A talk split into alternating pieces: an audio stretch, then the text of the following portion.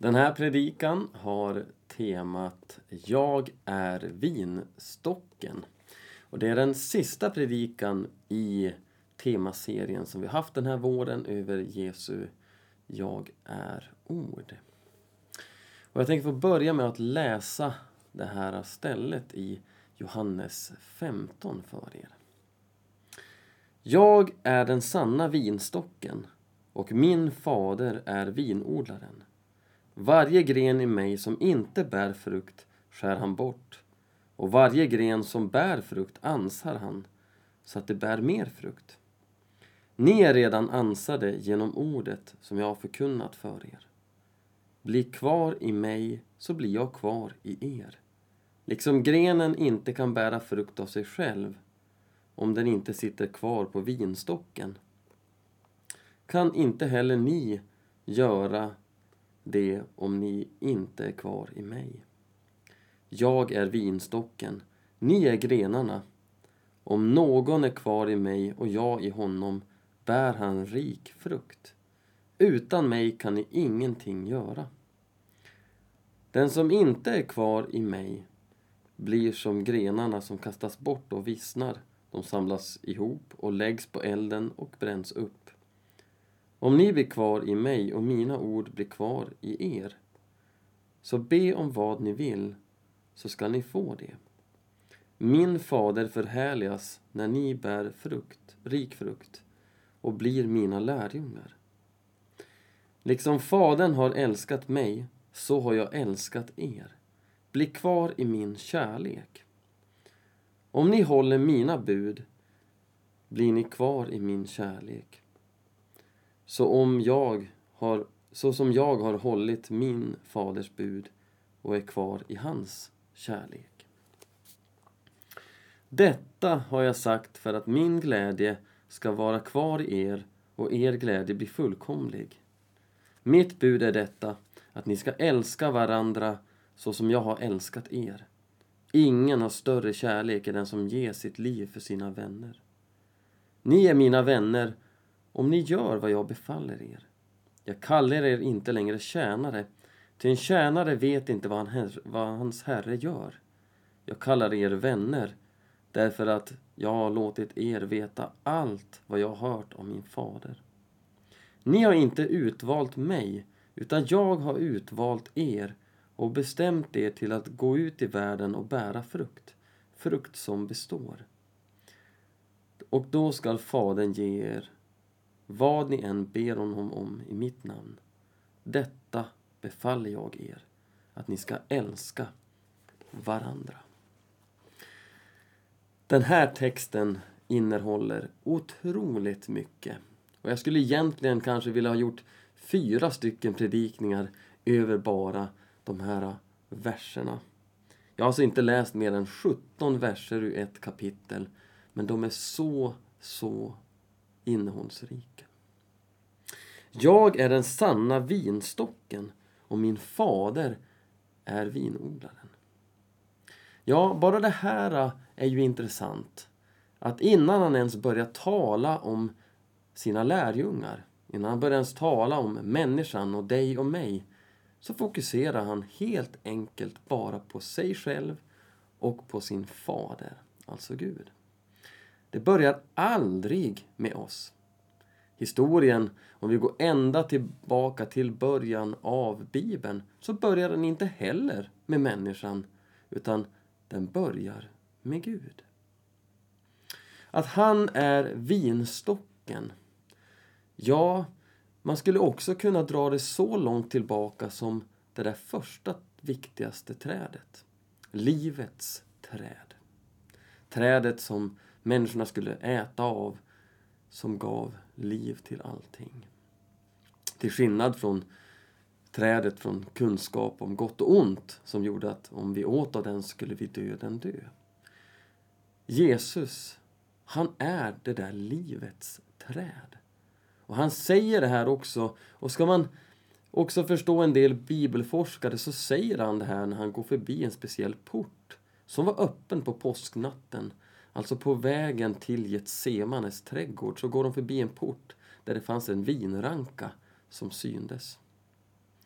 Och han är ju så, Jesus, att nästan de flesta gånger så pratar han utifrån vad han själv ser och använder det som ett pedagogiskt syfte också för hans lärjungar att förstå vad han menar. Han är vinstocken, han är den som ger frukt. Fadern, han är vinodlaren, han som äger allting. Och det står ju så också, jorden är Herrens och allt den äger. Det står också att varje gren i mig som inte bär frukt skär han bort. Och varje gren som bär frukt ansar han så att det blir mer frukt. Och jag har ett äppelträd där hemma. Och det är ju så att man behöver ta bort vissa grenar för att trädet ska må bra. Och att det ska bli mycket näring på de grenar som bär god frukt. Så är det också med en, eh, en, en vingård. Att eh, den som är odlaren, han skär bort de grenar som inte ger frukt så att de andra ska få ge mer frukt. Men även de som ger rik frukt, att den ska få vara bärkraftig och få ge ännu mer. Och hur går det här ansandet till? Jo, ansandet hos Jesus går genom ordet som han har förkunnat för oss. Och Vi måste också komma ihåg att när Johannes använder ordet så är det långt mer än bara det talade ordet. För Johannes så är det ju faktiskt så att ordet var hos Gud och ordet var Gud när han startar sitt evangelium. Bli kvar i mig så blir jag kvar i er. Det verkar alltså vara så också att vi kan vara med och påverka det här, vi människor. Det verkar finnas ett sätt att inte bli kvar med Jesus. Och jag tänker att det kanske har att göra med samma sak som den där äh, första trädgården och det första trädet. När människan valde bort Gud. Ja, vi kan också välja bort Jesus. Vi kan välja bort Jesus, vi som har levt med honom en lång tid. Att inte lyssna till hans ord, inte låta ordet vara det som ansar oss. Vi kan välja att läsa ordet och höra ordet och tänka att nej, det där vill inte jag ha med att göra. Och då tror jag att vi faktiskt inte blir kvar i honom när han inte får vara Herre eller när han inte får vara vinstocken. När vi vill bära frukten av oss själva så som vi också läste i texten att det går inte. Och varför kan det vara så här? Och det känns ju kanske lite hårt. Ja, därför att i oss själva så finns för det första inte evigt liv. För det andra så bär inte vi på sanningen. Och för mig då som har fått studera alla de här jag är-orden så skulle jag också vilja säga att min första upptäckt och kanske den största upptäckten även om inte den känns så kanske jätterevolutionerande för någon som lyssnar till det här så är det att Jesus är allting som jag inte är. När Jesus säger jag är livets bröd så kollar jag på mig själv och tänker ja men det är ju i alla fall inte jag. Eller när han säger att han är vägen, sanningen och livet så är det också så att jag märker, ja, men jag är inte sanning alltid. Jag säger inte alltid sanningen. Jag håller mig inte alltid till sanningen. Jag tänker inte alltid det som är sant. Och så vidare. Jag tror att du kan känna igen dig själv också i det. Om ni vill bli kvar i mig och mina ord blir kvar i er. Be om vad ni vill och ni ska få det. Min fader förhärligas när ni bär frukt och blir mina lärjungar. Det här med att bära frukt och det som kan få ära Gud. Det är någonting som jag önskar få göra med mitt liv. Och det verkar vara som att, att få vara nära Fadern. Det är också att få vara nära Jesus. Min fader förhärligas när ni bär rik frukt och blir mina lärjungar. En lärjunge är ju inte mer än sin mästare, säger Jesus också. Och det har också att göra med att det är han som är det livgivande. Vi kan inte springa i förväg av Jesus. Vi kan aldrig bli mer än vad han är. Vi måste kanske till och med komma till det faktumet att jag är helt totalt beroende av Jesus i mitt liv. Och det är underbart. Jag tror att det är många gånger när du och jag kanske tror att det handlar om att vi ska bli oberoende av saker. Och mycket i livet är ju så. Det kan vara bra att vara oberoende, att inte behöva vara beroende av allting. Men det finns en sak i livet som vi alltid måste vara helt beroende utav.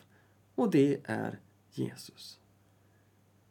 Um, Olof Edsinger har en bok som har titeln just Tro stavas beroende. Och jag tror att den titeln kan lära oss en del av vad det innebär att vara Jesu lärjunge.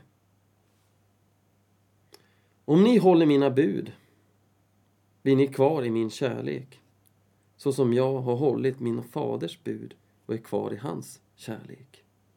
Och så säger han att mitt bud är detta, att ni ska älska varandra så som jag har älskat er. Och det låter kanske lättare sagt än gjort.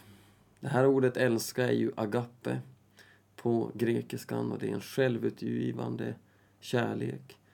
Det är ett ord som, som Jesus manifesterar på sitt bästa sätt. Han säger att ingen har ett större kärlek än den som ger sitt liv för sina vänner. Och Jesus han visar ju verkligen det här. Det här är ju in mot Getsemane som han säger det här mest troligt.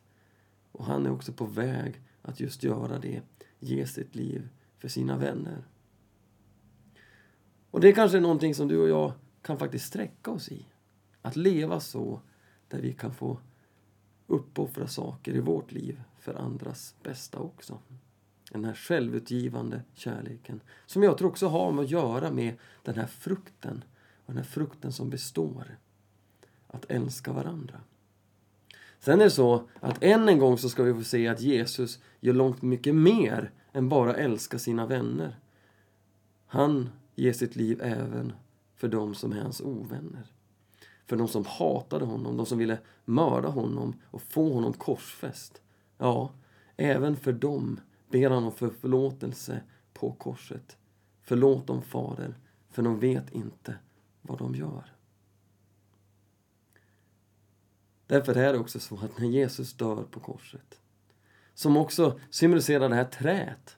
Alltså, går vi tillbaka till livets träd och tittar på det och han säger att han är den sanna vinstocken, så är det också så att alla som tror på honom, han som dog på ett trä, på ett kors, vi får också ta del av hans liv och bli förvandlade av den helige Ande i våra liv som han skänker oss. Inte som vi kan förtjäna, utan som han skänker oss. Som ska också hjälpa oss att just vittna om honom, att bära frukt, att få dela evangeliet till andra människor, att få visa på Guds rikes mission in i andra människors liv och situationer. Det här får vi göra i Andens kraft och i nästa kapitel så är det just det som Jesus talar om, hjälparen som ska komma. Och sen är det så att han vill verkligen ha en relation med oss. Han vill att vi ska leva i den här relationen tillsammans med honom. Där vi förstår att vi är grenarna, vi är inte stammen. Vi får vara en del av hans liv. När han säger till oss att han kallar oss inte längre tjänare, för en tjänare vet inte vad hans herre gör, utan han kallar oss vänner. Han kallar dig och mig för sin vän. Och han har in, det är inte vi som har utvalt honom, utan han har utvalt oss. Och bestämt för oss att gå ut i världen och bära frukt.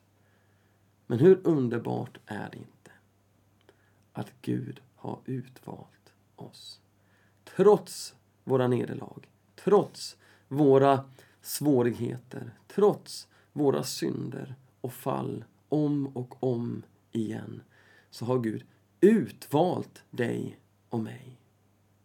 Än en gång så börjar det inte hos dig och mig utan precis som texten börjar så säger han att han är vinstocken och fadern är vinodlaren.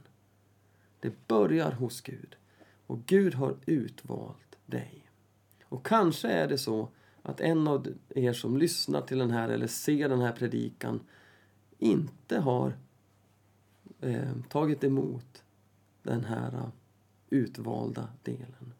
Då vill jag bara säga dig att du har all chans i världen idag att få på nytt, för dig som har levt med Jesus, men också för dig som inte har börjat den resan än, att bara få landa i det, att Gud har utvalt dig.